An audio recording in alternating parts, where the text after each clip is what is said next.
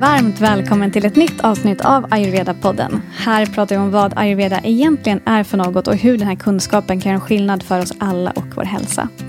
Syftet med podden är att låta ayurveda gå från något abstrakt och avlägset till något mer konkret och lättillgängligt. Jag som pratar heter Johanna Mård och den här gången så sitter jag här igen med underbara Marie Maitri och vi spelar in ett avsnitt på förfrågan från fler flera av er lyssnare. Ehm, för jag vet ju att det är ett gäng av er som har uppmärksammat att Marie ibland pratar om fasta. Och ehm, eh, ja, Marie är också fasteterapeut.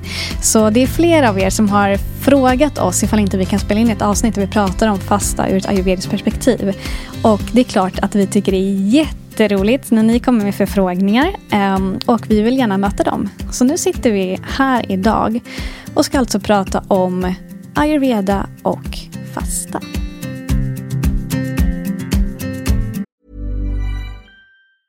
A lot can happen in three years, like a chatbot may be your new best friend. But what won't change? Needing health insurance. United Healthcare Tri Term Medical Plans, underwritten by Golden Rule Insurance Company, offer flexible, budget friendly coverage that lasts nearly three years in some states. Learn more at uh1.com.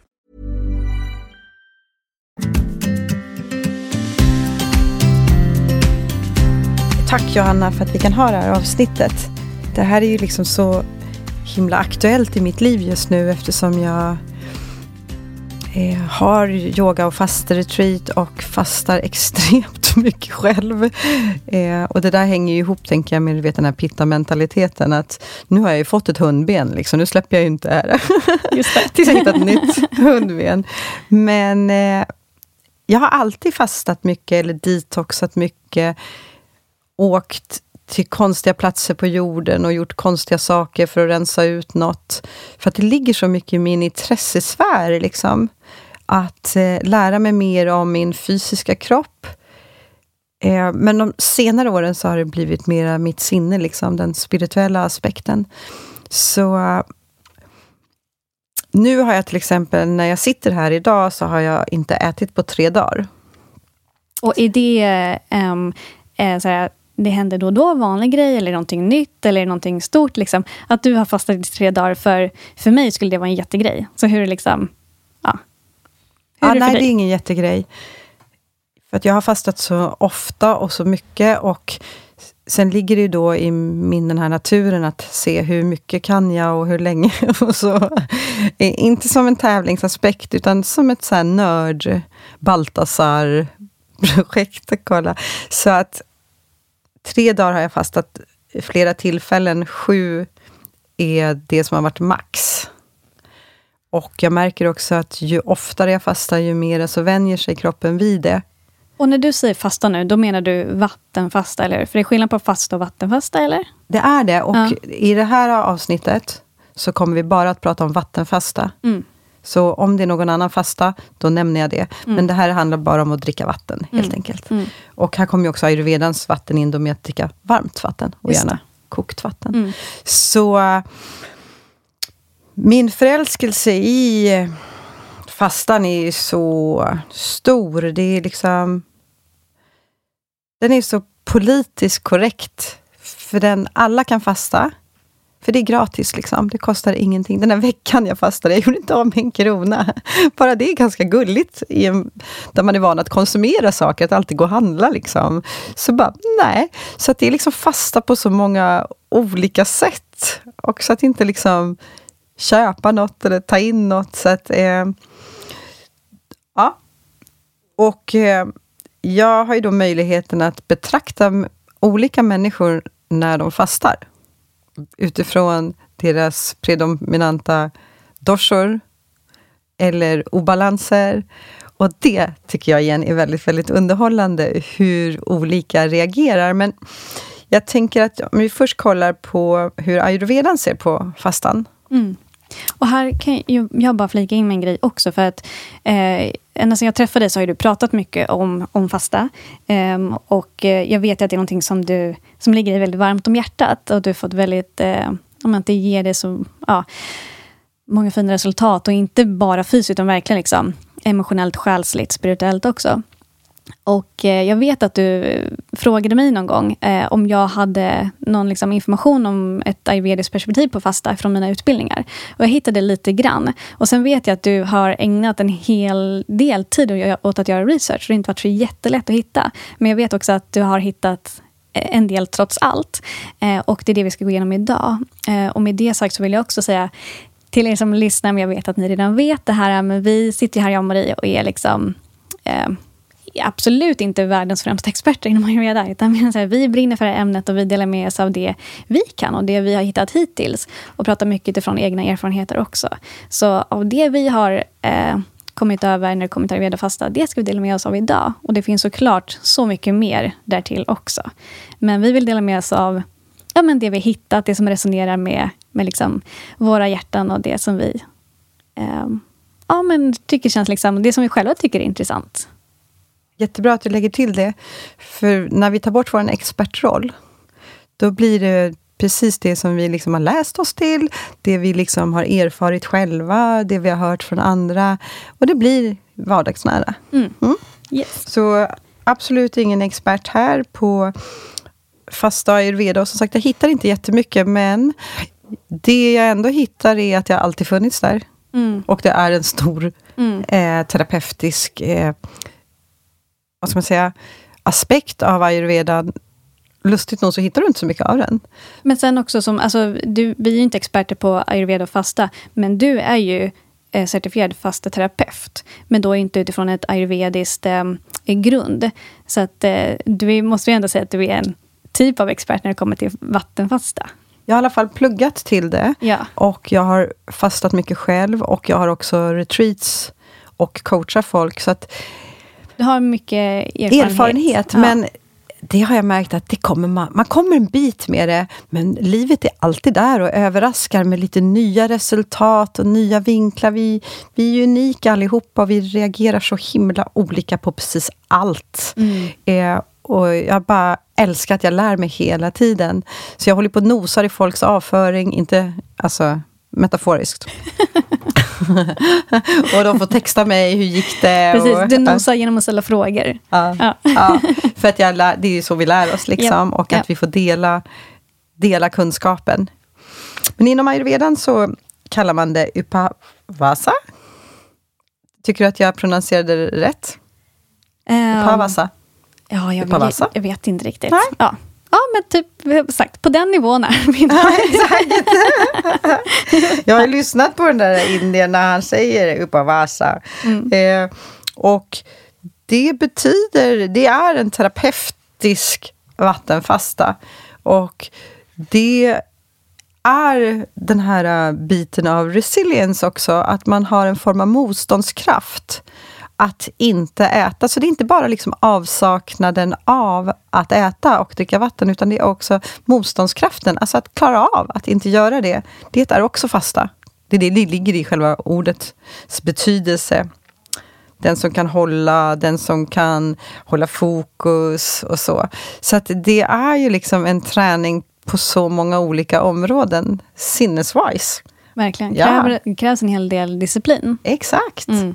Och, så det är liksom en, att man kontrollerar både sinnet, organen och kroppen när man fastar, enligt ayurvedan. Och om vi kollar på benefitsen, så säger vi samma saker som i den västerländska.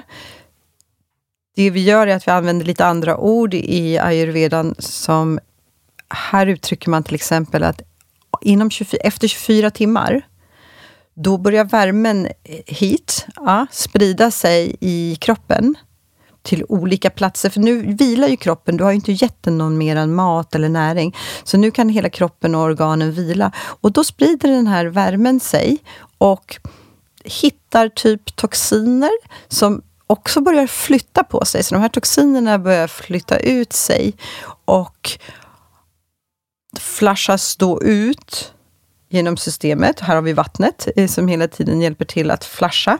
Och här blir vi då av med toxiner efter 24 timmar, säger ayurvedan. Är att det tar innan de rör på sig. Så att då kan man väl se att allting där innan så kanske man bara pratar mer om periodisk fasta, medan här pratar vi då terapeutisk fasta. Så toxinerna rör sig ut och här kommer de här bitarna sen, alltså, som är så juicy, för att här får ju då organen tid att läka. Så njurar, lever, alla våra organ har ju nu tid att lä läka, eh, hila sig. Och när de gör det så kan man också se att sinnet blir klarare, för nu förs det ju ut toxiner i systemet. Och när sinnet blir klarare, then it's time. you can focus on your spiritual practice and you get deeper into meditation. Ja. and that's my favorite part. Men Mm. Det finns en aspekt till och den hör vi inte i det västerländska tänket. Och det är att du bränner karma. Mm -hmm. Och vem vill inte bränna karma? Den var ny för mig. Spännande. Ja, och du bränner den fort när du fastar. Intressant. Om jag ska tänka i så logiskt perspektiv så är det ju så att när du, om du vattenfastar i flera dagar så blir du ju av med ganska många kilon. Och eftersom du inte har tillsatt några carbs så är det fett kroppen bränner. Till skillnad från om du har en kalorirestriktion eller om du bantar. Liksom. Det, det här är ju ingen bantningsteknik, utan det som händer är att kroppen förbränner ju fett efter 10 till 12 timmar, när glukosen är slut i systemet. Och då tänker vi att du blir av med alla de här fettcellerna. Fyra kilo, och sen är det lite vätska också som försvinner såklart. Men sen när du börjar äta igen så går du ju upp i vikt såklart. Men det är nya celler. Mm. Och här tänker jag, då gör vi oss liksom av med någonting. Vi bränner av, för det är precis vad kroppen gör. Den förbränner fettet, vilket vi vill. Och vi blir liksom nya jag. Så att jag tänker att rent karmiskt, att man bränner av gammalt. Mm. Så här rent ayurvediskt då så har vi liksom också en möjlighet att komma närmare våran själ. När vi blir klarare och liksom att maten, eh, toxiner, ett ständigt ätande stör oss. Och här har vi möjlighet att komma närmare oss själva. Vem är jag, vem jag när jag inte äter? Mm, också en intressant fråga. Vem är jag när jag inte äter? Exakt. Just för att, eh, att äta regelbundet är ju en vana som de, många, många har. Och liksom att det oh, intressant. Vem är det inte äter? Och nu måste jag bara berätta att på vägen hit så satt jag med en kompis, en tjejkompis på pendeltåget. Och så berättade jag för henne att jag skulle spela in ett poddavsnitt med dig Marie, där vi skulle prata om fasta. Hon bara, gud vad intressant. För hon hade en upplevelse där hon hade vattenfastat i tre dagar. Um, och hon sa att det var något av det bästa hon varit med om. Um, för det passade henne väldigt bra just där och då, där hon var i livet. Um, hon bara, så det var som att jag hade suttit i liksom, djup meditation i liksom, ja, länge, länge, länge. Hon fick samma upplevelse av vattenfastan. Att precis som du säger, hon blev väldigt liksom, klarsynt. Hon upplevde att alla hennes sinnen blev skärpta. Hon kunde liksom mycket lättare liksom fokusera och liksom upplevde också som att hon var i ett, som i ett meditativt eh, tillstånd. Att hon fick tillgång till det genom att bara vattenfasta. Precis. Mm. Och precis som med allting annat, så det bästa är liksom att uppleva saker själv, för vi upplever saker så himla olika. Och, ja. mm. och jag pratade precis med en av mina bästa kompisar, och hon har nu börjat fasta, och hon frös och hade ont i lederna. Mm. Ja, så att, eh, och hon är ju vata. Mm. och, så att hon fick ju en vata-reaktion. Men jag har bett henne att hålla mig uppdaterad, för att när hon har liksom fastat några gånger, så tror inte jag att kroppen reagerar så. Den har liksom egna reaktioner, nya reaktioner i början, vilket den har på allting när du avslutar någonting. Allting som du slutar göra skapar ju en abstinens. Mm. Men eh, min kropp tycker ju inte att det är någon biggie längre, för den vet nu hur det är att vara utan mat och bara få vatten. Så att den stökar inte och bråkar inte så mycket om det. liksom. Nej, och sen tänker jag också precis på det du sa. att eh, alltså, Man gör någonting en gång och då kommer man få en upplevelse. Gör man samma sak igen kommer man troligtvis få en annan upplevelse. För att allting påverkar. Så beroende på liksom, ja, men, eh, hur du har tagit hand om din kropp och sinne liksom, dagarna innan och vad som händer runt omkring omständigheter, omständigheter i ditt liv kommer såklart påverka allt du är med om. om du vattenfastar eller äter som vanligt. Alltså du kan ju ha en dag där du tycker att du gör ungefär samma saker som du gjorde eh, samma dag en vecka innan. Men du kommer ändå ha en annan upplevelse för att mm. allting påverkar. Just. Mm. Samma sak med någon som har gjort en ayurvedisk detox ett år eller åkt med en panchakarma och gör om det ett år senare. Man kommer ha en annan upplevelse. Ja. Även om man följer typ i princip exakt, exakt samma yeah. rutiner. Eh, liksom kosthållning och livsstil allting. Så kommer man ha en annan upplevelse för att, för att allting påverkar. Precis så. Jag tycker det är väldigt så här, fint att skriva ner vad man upplever. Och när jag har eh, de här yoga fasta retreaterna, då har vi svadhyaya, självreflektion tre gånger om dagen. Så att vi börjar på morgonen och då får man skriva ner hur man upplever det fysiskt, psykiskt och själsligt. Mm. Och också självklart avföring, sömn etc. Och så fortsätter man att hela tiden reflektera. För precis som du säger, nästa gång jag gör det, så kommer jag ha upp andra upplevelser. Mm. Och ett, ur ett yogiskt perspektiv så bedömer man ju inte upplevelserna eller värderar dem, utan man noterar dem. Mm. Nu upplever jag det här. Mm. Nu känner jag det här. Nu känner jag mig låg. Nu är jag exalterad. Nu bråkar magen. Nu funkar... Alltså, att bara betrakta saker. Mm. Det som är ganska intressant är ju ur de olika dorsornas perspektiv. För Vata-personerna, eh, de är ju oftast lite tunnare och lite ängsligare. Och det blir lite hur ska det här gå? Kan det verkligen vara så bra att vara utan mat? Och nej, nu känner jag mig lite dissig och förvirrad och så. Och det är så jävla gulligt att se när vattisarna ska dra igång sin ängslan liksom, över det här. Ja. Eh, Medan pitta-människorna, de kan ju vara så här, vadå, kan vi inte köra två dagar nu? Nu, nu liksom, det här, det här är bra grejer alltså. Och så bara håller de ut och så kommer hungern, bryr de sig inte om. bryr de sig inte om hungern? Jag kan tänka mig att de blir så här, eh, alltså kan tänka mig att de kanske blir väldigt så här, alltså, hänger upp sig lite på hungern. Så här, nu är jag hungrig och jävlar vad jag är hungrig. Och bara liksom att det blir en grej. Eller är det så att Kanske det, eller att man bara helt ser förbi det och bara, man är så målfokuserad på liksom slut, vart man ska någonstans. Att man kanske bara ser förbi Jag tänker den. att det kan bero på hur balanserad du är. Så kan det nog vara. Så att har du en balanserad pitta, då bara nu kör vi. Ja. Det här var inga konstigheter. Just och sen det. har vi en obalanserad, då så sjunker insulinet och så mm. blir jag irriterad och förbannad. Just det, och så. Exakt. Precis, för det är ju så, det där med irritation och frustration, det är ju ett resultat av pitta-obalans. Eh, och när vi är i pitta-balans, liksom, då, är det liksom, då har vi tillgång till alla fina egenskaper ja, som pitta kommer med. Mål mm. Eh, och fokusorienteringen mm. och så. Mm. Och det är jättekul att få liksom se, ha de här retreaterna. Och, och kaffe då? Hur, hur, jag, hur jag, jag, jag aldrig kan säga någonting om kaffe. kaffe är ju den som har långsammast matsmältning. Mm. Och också den som kan hålla på liksom ganska länge. Den är ganska stadig, kaffan i balans. Liksom. Eh, så de är ju väldigt bra på att inte äta. Här gnälls det inte överhuvudtaget. De har ju inte alltid aptit heller, du vet. Kaffe måste man säga, låt bli att äta ett tag så du får kontakt med din hunger, för att de äter på tider och sådär.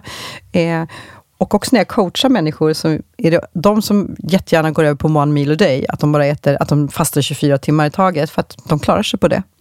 Så de är ganska enkla. Just det. Däremot så har ingen kaffe kommit. Mm -hmm. So far. Det klart att, de, att det finns kaffe, men inte predominant. Liksom. Mm. De kan, jag tror att de kan vara lite för mer nej men det, jag gillar att njuta och pyssla om mig. Nej, det där kan... Det. Man är inte så... Eh, man är inte lika... Eh, om man har mer kaffe i sin grundkonstitution så kanske man inte man är inte lika liksom, nyfiken, inte lika sökande och inte lika... Eh, man går inte igång lika mycket på att utmana sig, utan man är mer i sin bekvämlighetszon. Exakt. Ja. Exakt. Så det kan vara en av anledningarna. Och jag hade, den sista retreaten jag hade, så var vi i stort sett bara pitta-människor. Det var så underhållande. Det var så enkelt. Det var en walk in the park alltså. Det var så? Ja. För pitta är liksom, har de bestämt sig har de gjort det. Mm.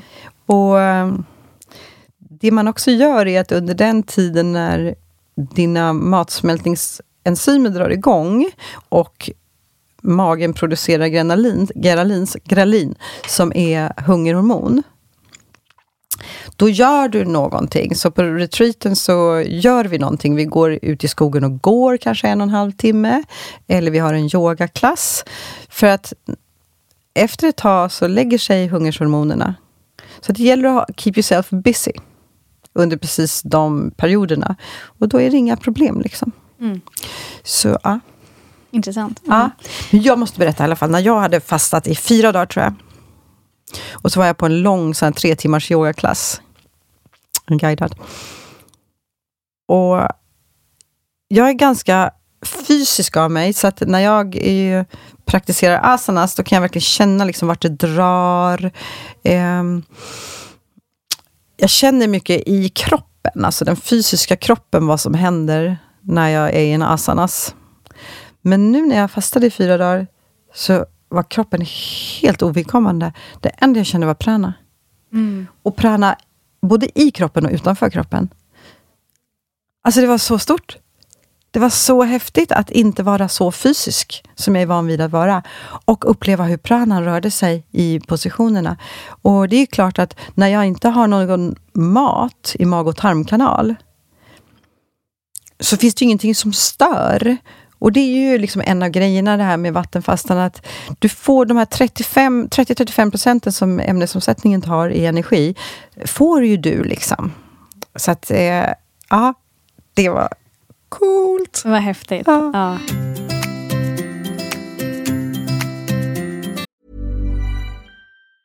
Many of us have those stubborn pounds that seem impossible to lose, no matter how good we eat or how hard we work out. My solution is PlushCare. PlushCare is a leading telehealth provider with doctors who are there for you day and night to partner with you in your weight loss journey. They can prescribe FDA-approved weight loss medications like Wagovi and Zepbound for those who qualify. Plus, they accept most insurance plans. To get started, visit plushcare.com slash weight loss. That's plushcare.com slash weight loss. Ever catch yourself eating the same flavorless dinner three days in a row? Dreaming of something better? Well, HelloFresh is your guilt-free dream come true, baby. It's me, Gigi Palmer. Let's wake up those taste buds with hot, juicy pecan-crusted chicken or garlic butter shrimp scampi. Mm. Hello Fresh. Stop dreaming of all the delicious possibilities and dig in at HelloFresh.com. Let's get this dinner party started.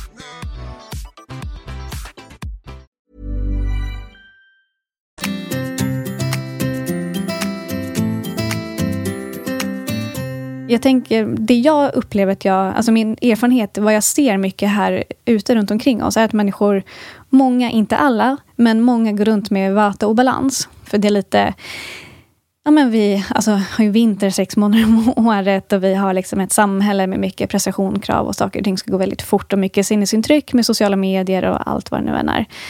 Um, och att då fasta, Alltså har man vata och balans har man redan mycket, alltså då har man redan för mycket rymd och luft. Och att fasta är ju som att, då behöver man ju motsatsen till rymd och luft om man har vata och balans. Eh, så där vill jag kolla lite vad din input på det är.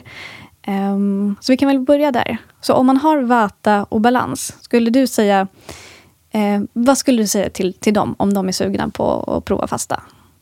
Det är lite svårt att ge sig ut på det där sättet och tala om för människor vad som är bra för dem och vad som inte är bra för dem. Så att jag tror att om vi bara kollar på själva begreppet vata just, är, så är det så att vata-människor har en tendens att ha lite problem med magen, att det är uppblåst och IBS och, och så.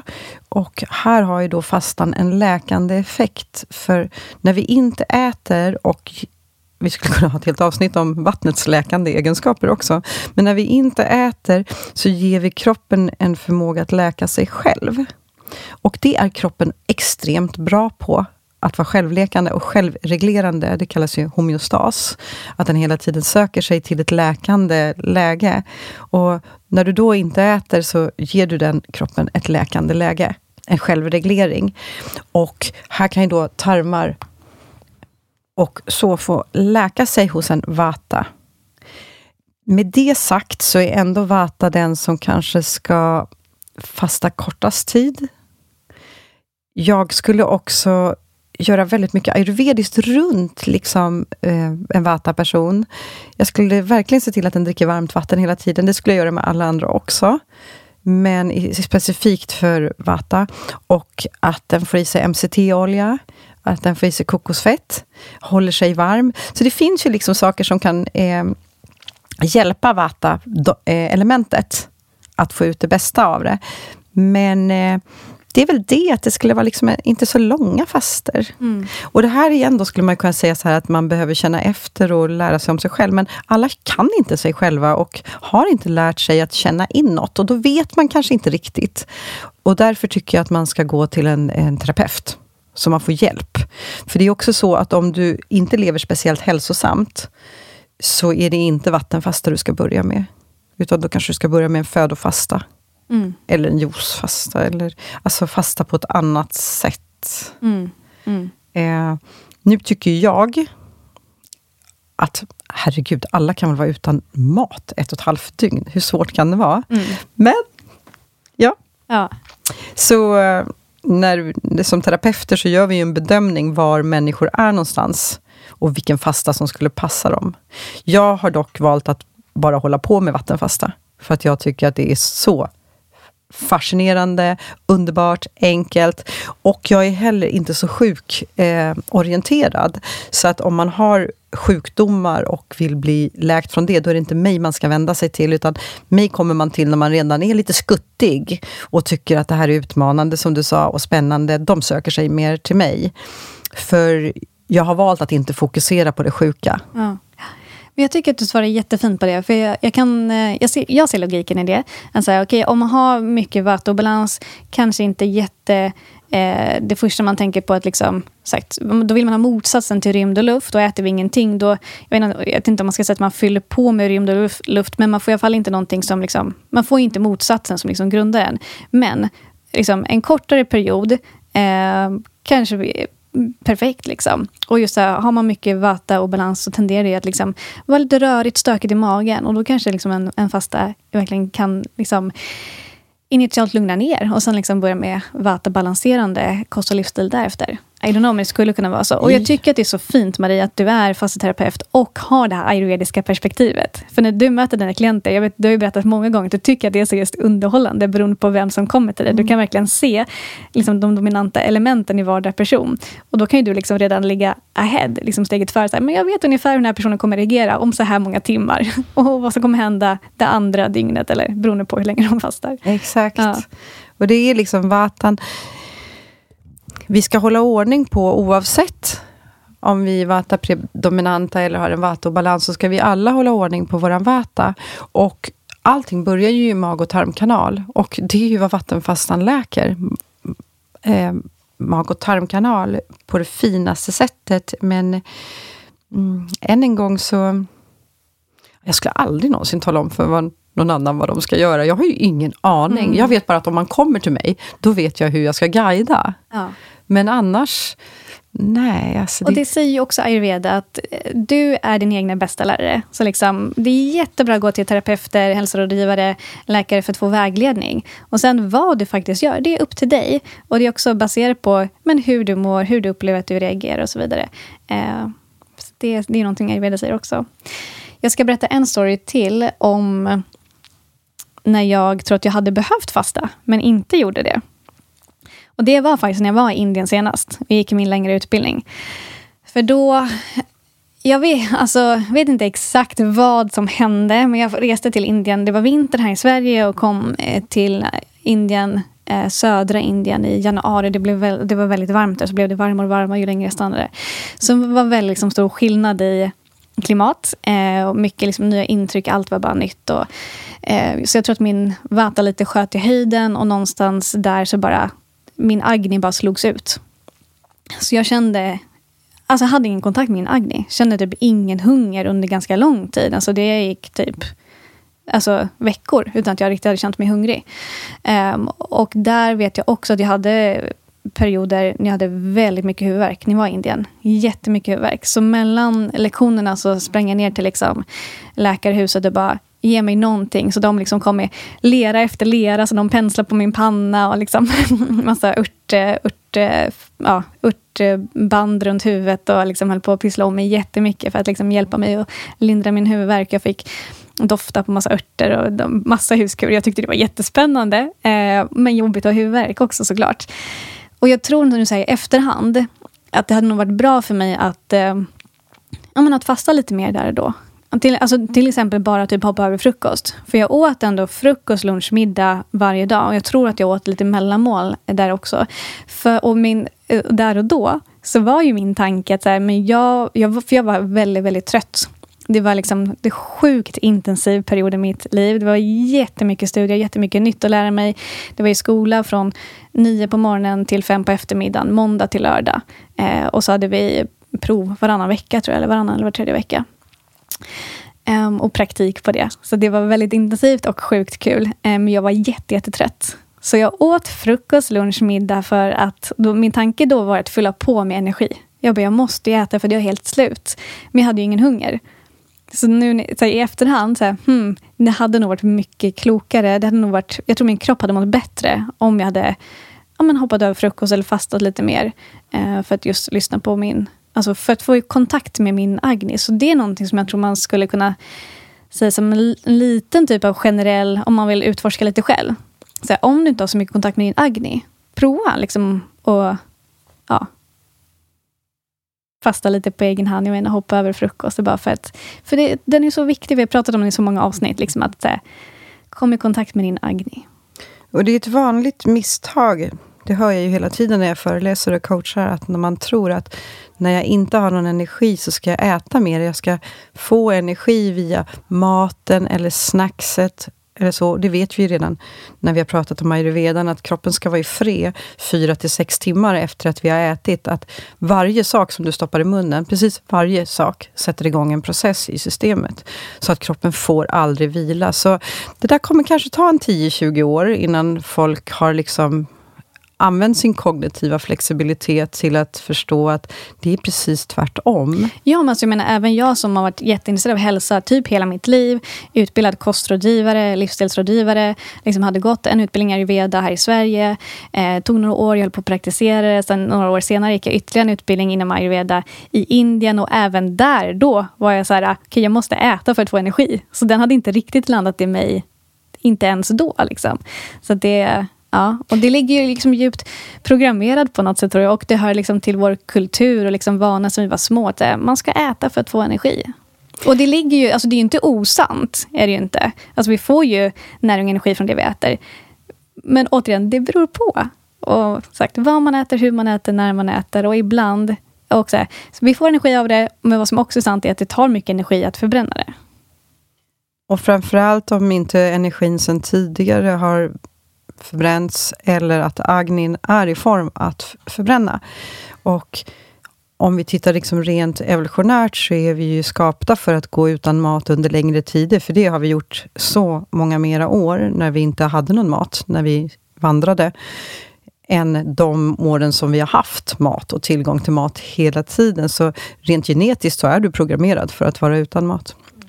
Jag tycker dock att om man kollar på, eh, om man gör en en enkel liten scanning sådär, så har du otroligt många fysiska effekter av att låta kroppen vara i fred och bara ge den vatten. Den, som jag sa, självläker sig. Eh, men listan är så lång på vilka benefits vattenfasta har. Men sen har du också den emotionella aspekten, att du kan låta bli att äta. Det är en ganska het potatis och ganska känslosam sån också. Väldigt många människor äter av helt fel anledningar än att... Jag räcker upp handen här. Utan att jag behöver, att, än att jag behöver näring. Jag tröstäter rastlöshetsäter, socialt äter, ja. äter av massa olika anledningar ja, som inte är att kroppen behöver energi. Precis, och framförallt så här, äter på klockan. Så här. Man har ingen kontakt med sin hunger, men klockan 12 då ska man inom situationstecken äta lunch. Mm. Eller också säga, jag har 45 minuter lunchbreak på mitt jobb. Och ut, alltså innan och efter den lunchbreaken så kan jag inte äta, för jag kanske har något fysiskt arbete eller någonting annat. Det liksom sitter med grejer som gör så att man typ måste äta då, om man, om man vill äta lunch. Ja. Det också. Ja. Det här är ju liksom, nu när fastan blivit så stor, eh, så blir det här, ja, eller måste vi? Att vi får experimentera själva. Vad händer om jag inte äter? Eh, det ligger ganska mycket rädsla i det här att inte få mat. Och där kommer Vata in ganska mycket och de blir ju rädda. Liksom. Hela mygdala kickar igång och bara, jag kommer inte överleva det här. Man bara, jo, det lovar jag att du kommer. Det enda som kommer hända är att du kommer bli hungrig. Mm. Och det klarar man av. Och sen så finns det absolut eh, reaktioner när man fastar, eftersom jag beskrev just att toxinerna börjar ju släppa i kroppen. Och de kan ju påverka på olika sätt. Man kan bli lite dizzy, man kan bli trött, man kan bli lite illamående, man kan få massa utrensningseffekter. Men man kan också få en extremt adrenalinskjuts. Jag blir ju extremt klar. Nu är det tredje dagen, så du ser ingen klar Marie framför dig alls. Men alltid om jag ska föreläsa eller ha en workshop eller någonting så äter jag inte alls innan det. För att jag blir så mycket skarpare. Och jag har mycket mera, som vi sa förut, clarity. Jag är mycket, mycket klarare i sinnet. Så. så du har liksom den emotionella aspekten att kunna liksom gå emot dina nerkodade beteenden. Och därifrån så kan du förändras genom att veta att jag klarar mig utan mat eller bara till exempel när du ska flyga till exempel, eller situationer där det inte är optimalt att äta. Har du lärt dig att fasta, då kan du lätt vara utan mat under en längre tid och därmed också få kroppen att må bättre. Liksom. Igen den här homeostasen, att eh, ställa in sig och läka sig och må bra. Nu surrar jag, tycker jag. Ja, men jag, kan säga Jag vill det, bara alltså, avsluta med ja. den spirituella. Så vi har alltså den fysiska och de sitter, jag tänker jag inte sitta och dra här, för de är så många. Eh, och sen har vi då den emotionella, att kunna ha resilience, motståndskraft. Och sen har vi då den spirituella, att kunna komma närmare sig själv, bortom det här eh, när vi äter hela tiden och varför vi äter hela tiden. Och om vi tar bort det så skalar vi... Min upplevelse är att jag skalar av en hel del av mina vanor och personlighet och habits och, vad ska vi säga, tröst också. Och vem blir jag då när jag bara är kvar i att inte äta? Och där hittar jag ett spirituellt liksom, djup och som vi också pratade om, det blir skillnad på meditationerna. Det blir definitivt skillnad på asanas och yoga-practicen för att det första som händer är att inflammationerna backar i kroppen. Och de sitter ju i alla leder och i mag och tarmkanal. Kroppen släpper ifrån sig vätska eftersom det drar till sig till inflammationer. Så att när man då praktiserar asanas så är det ju helt ljuvligt, för att du kan göra på ett nytt sätt som du inte har kunnat gjort förut, för att just svullnader har släppt i hela din kropp. Och Det tycker jag är en av helt fantastiska, eftersom jag har två stycken knän som är artrit, opererade, idrottade på, och det räcker med två dagar så backar inflammationerna helt och jag kan använda mina knän på ett helt nytt sätt. För att inflammation sitter också i ligament.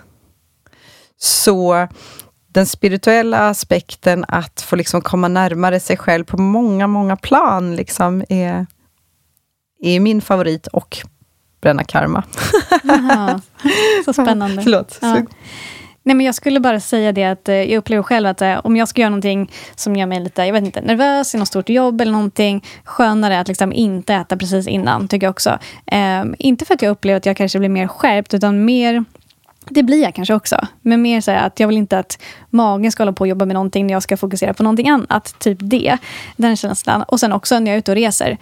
Vill helst inte äta någonting innan jag ska gå på flyget. Liksom. För det, men du har väl en ganska bra kontakt med din, eh, just det här när och, eller hur? Har du utvecklat den eller upplever du? Jag har absolut utvecklat Ja. den. För jag har sagt många år med magproblem och sen lära känna, alltså få, eh, ja, eh, ayurveda har ju, ju liksom verkligen, jag har ju tränat på att få mer och mer kontakt med min mage. Så nu känner jag verkligen så här, men, men när mår jag bra av att äta och när mår jag bättre av att inte göra det? Men jag är absolut inte som dig, att jag liksom regelbundet fastar. Eh, utan det är mer så här, känner efter, okay, men skulle det vara, mår jag bättre av att typ inte äta middag just nu? Men också det här med ayurveda har ju liksom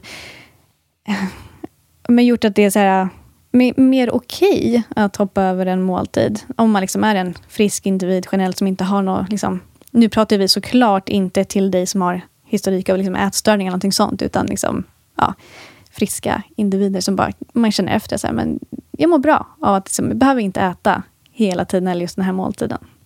Det är i alla fall min erfarenhet att jag kan verkligen känna in så här, men ibland står jag där och vä väger lite, okay, men ska jag äta nu bara för att Kommer det ge mig mer eller inte? Mm. Och eh, majoriteten av alla dagar året runt äter jag frukost, lunch, middag. För jag tycker att jag mår bra av det. Mm. Och ibland hoppar jag över. Och då är det för att jag verkligen känt efter. Så här, ah, men jag ska nog inte äta just nu. Mm. Ja.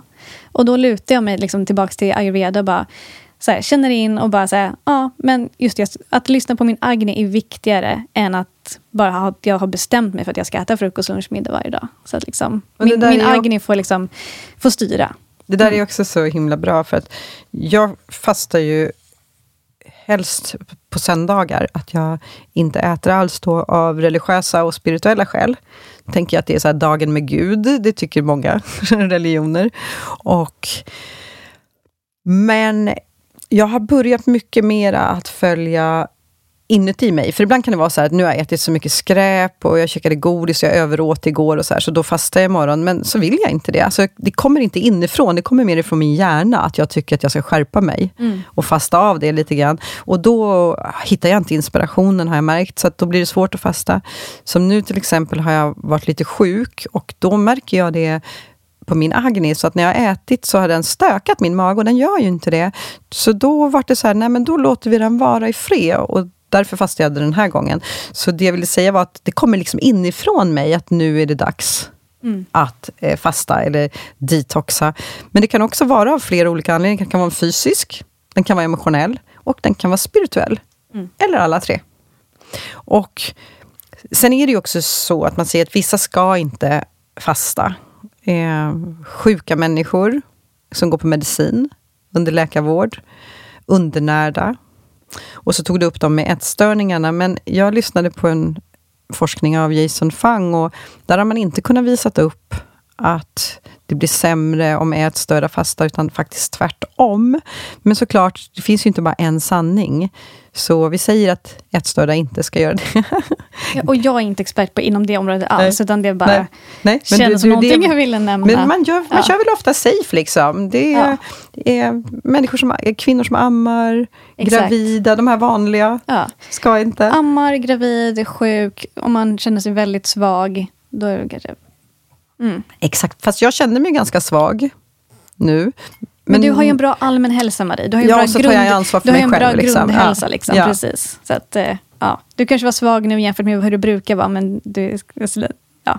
Men där fick man med i alla fall de som, när man inte ska fasta. Liksom. Och sen var du inne på menstruationscykeln och där kanske man också ska vänta in att den är över. Eller också om man känner att det funkar med en och man har testat förut och det går bra, så får man väl bestämma själv. Kvinnor får väl bestämma själva. Ja, mm. precis. Eh, det jag tänkte på är att här, menstruation i sig är en typ av utrensning. Så därför enligt ayurveda så rekommenderar man ju inte kvinnor att göra någon typ av detox under menstruationsdagarna. Eller inte göra panchakarma. Eh, och då tänkte jag bara rent logiskt, kanske inte eh, rekommenderat att fasta under menstruationen heller. Men jag har inte liksom läst varken liksom för eller emot det heller. Men man får känna efter själv. Men kanske, ja. Men jag tänker också en panchakarma, alltså, om du gör en korrekt panchakarma, då går ju den över din menstruationscykel. Alltså du har ju mens en gång i veckan. Eller det har du inte alls. det blir jobbigt. En gång i månaden. Ja, du tänker att en riktig panchakarma är 28 dagar eller? Ja, ja. Alltså oftast, eller också så matchar du in den då precis. Mm. Så att du har menstruerat mm. klart. Fast en, en panchakarma behöver inte vara så lång. Nej men om den är det, ja. då är det ju inte så att du avbryter ja. mitt i för att du har menstruation. Liksom. Att, men de kommer anpassa behandlingarna och liksom tona ner lite på liksom, styrkan i panchakarma under dina menstruationsdagar. Mm, mm. Mm. Ja, här får man i alla fall då känna efter själv igen, tänker jag. Eller ja. också avstå. Ja. Inom ayurveda tycker man att man ska avstå lite. Ja. Mm.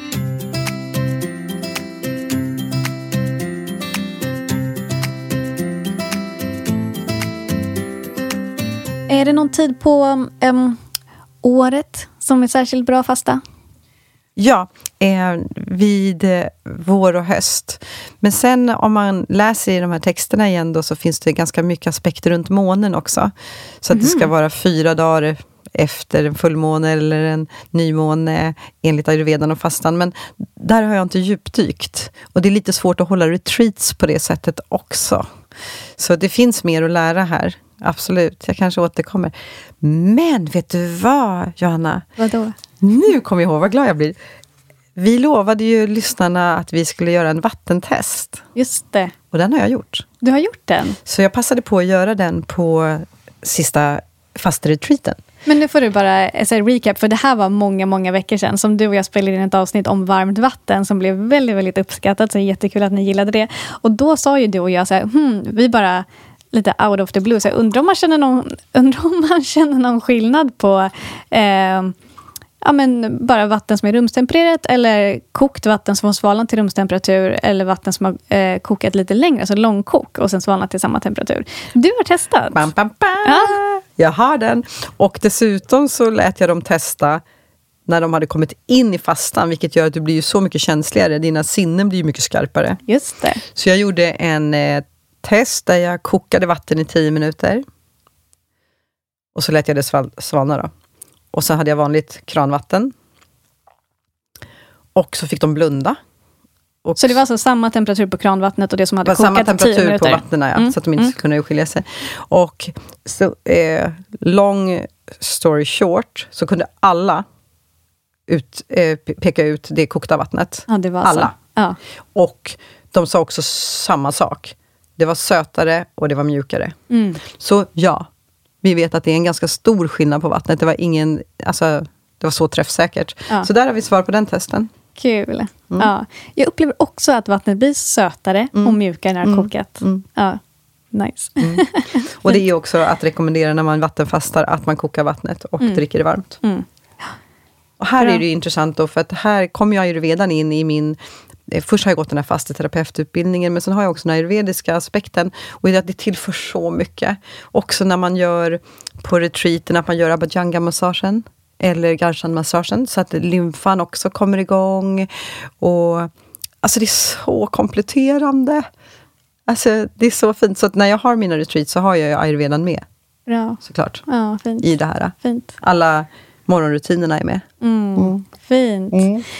Jag tänker att vi ska börja avsluta. ehm, och ehm, om det inte är någonting mer specifikt du vill säga om just fastan. Ja, jag skulle bara vilja lägga till autofagin sista. Mm. Och sen också tala om att nästa retreat jag har är i juli. 7-9 juli. Ja, Om det man- ska du få berätta mer om. Ja, Ja. om man är nyfiken på att göra den i grupp. För det är ganska mycket lättare att göra saker i grupp, det vet ju vad Mm. man än gör. Och dessutom då får man lära sig massa om eh, fastan och vad det är bra för. Och massa tricks och tricks och när man ska göra vad och lite blandat. Så att, jag behöver inte säga något mer om den. Den, den ligger på min eh, Facebook. Så där kan man kolla in den. Men jag vill- måste ändå nämna autofagi när vi pratar om vatten och vattenfasta. Och autofagi är ett stort begrepp nu. Det har funnits under lång tid. Men det exploderade väl ganska mycket 2016 när en japan, Yoshinori Oshumi, fick Nobelpriset för att han har eh, klarlagt mekanismerna bakom autofagin. Så den har funnits där och vi har haft kunskap om den sedan tidigare. Men det är alltså att när man inte äter så har cellerna en nedbrytning och en återvinning av sina egna beståndsdelar. Så för att förklara den lite grann så gamla delar av våra celler eller organeller återvinns och gör till energi. Och Det är det som är autofagi. Och det här är någonting som kickar igång de säger lite olika här beroende på vilka forskare jag lyssnar på. Men efter tio timmar utan mat och sen så stegrar det på tredje dagen, då har du maximal autofagi, det vill säga kroppen gör energi av skräp. Hur coolt är det? Och här har man också anknytningar till Alzheimers. Man kan se att det läker etc. Så autofagin vill jag bara, jag ville bara nämna den för att det är en av de grejerna som kickar igång mig. Alltså att göra att jag kan liksom hålla i att låta bli att äta, för att ju högre autofagieffekt så mumsar kroppen upp massa skräp. Och för att förstå det i en aspekt till, det är att om du till exempel bantar och så har du varit väldigt överviktig och så går du ner 30 kilo, då kommer du få väldigt mycket hängande skinn och så, eh, som inte har hunnit dra ihop sig och återhämta sig. Men om du inte äter, om du fastar, då smaskar kroppen upp gamla saker, vilket gör att du inte får den här slappheten, utan du kan få en tajthet också. Så där har man en av de förståelserna. Och sen så vill jag säga en sak till, för det här var så bra, Johanna.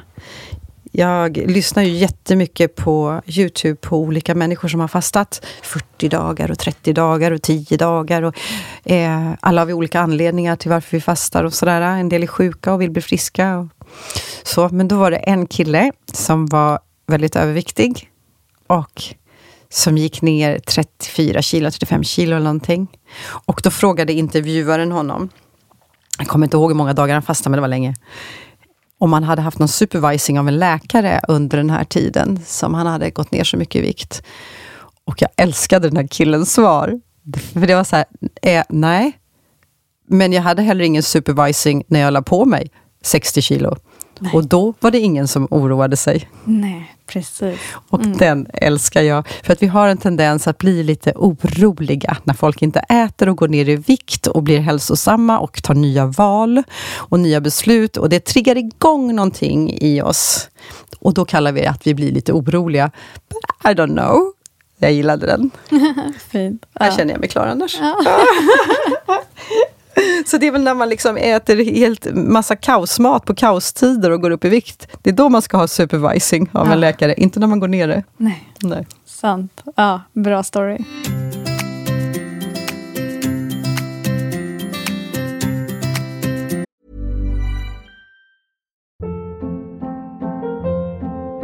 Hold up. What was that? Boring. No flavor. That was as bad as those leftovers you ate all week. Kiki Palmer here, and it's time to say hello to something fresh and guilt-free. Hello Fresh. Jazz up dinner with pecan-crusted chicken or garlic butter shrimp scampi. Now that's music to my mouth. Hello Fresh. Let's get this dinner party started. Discover all the delicious possibilities at hellofresh.com.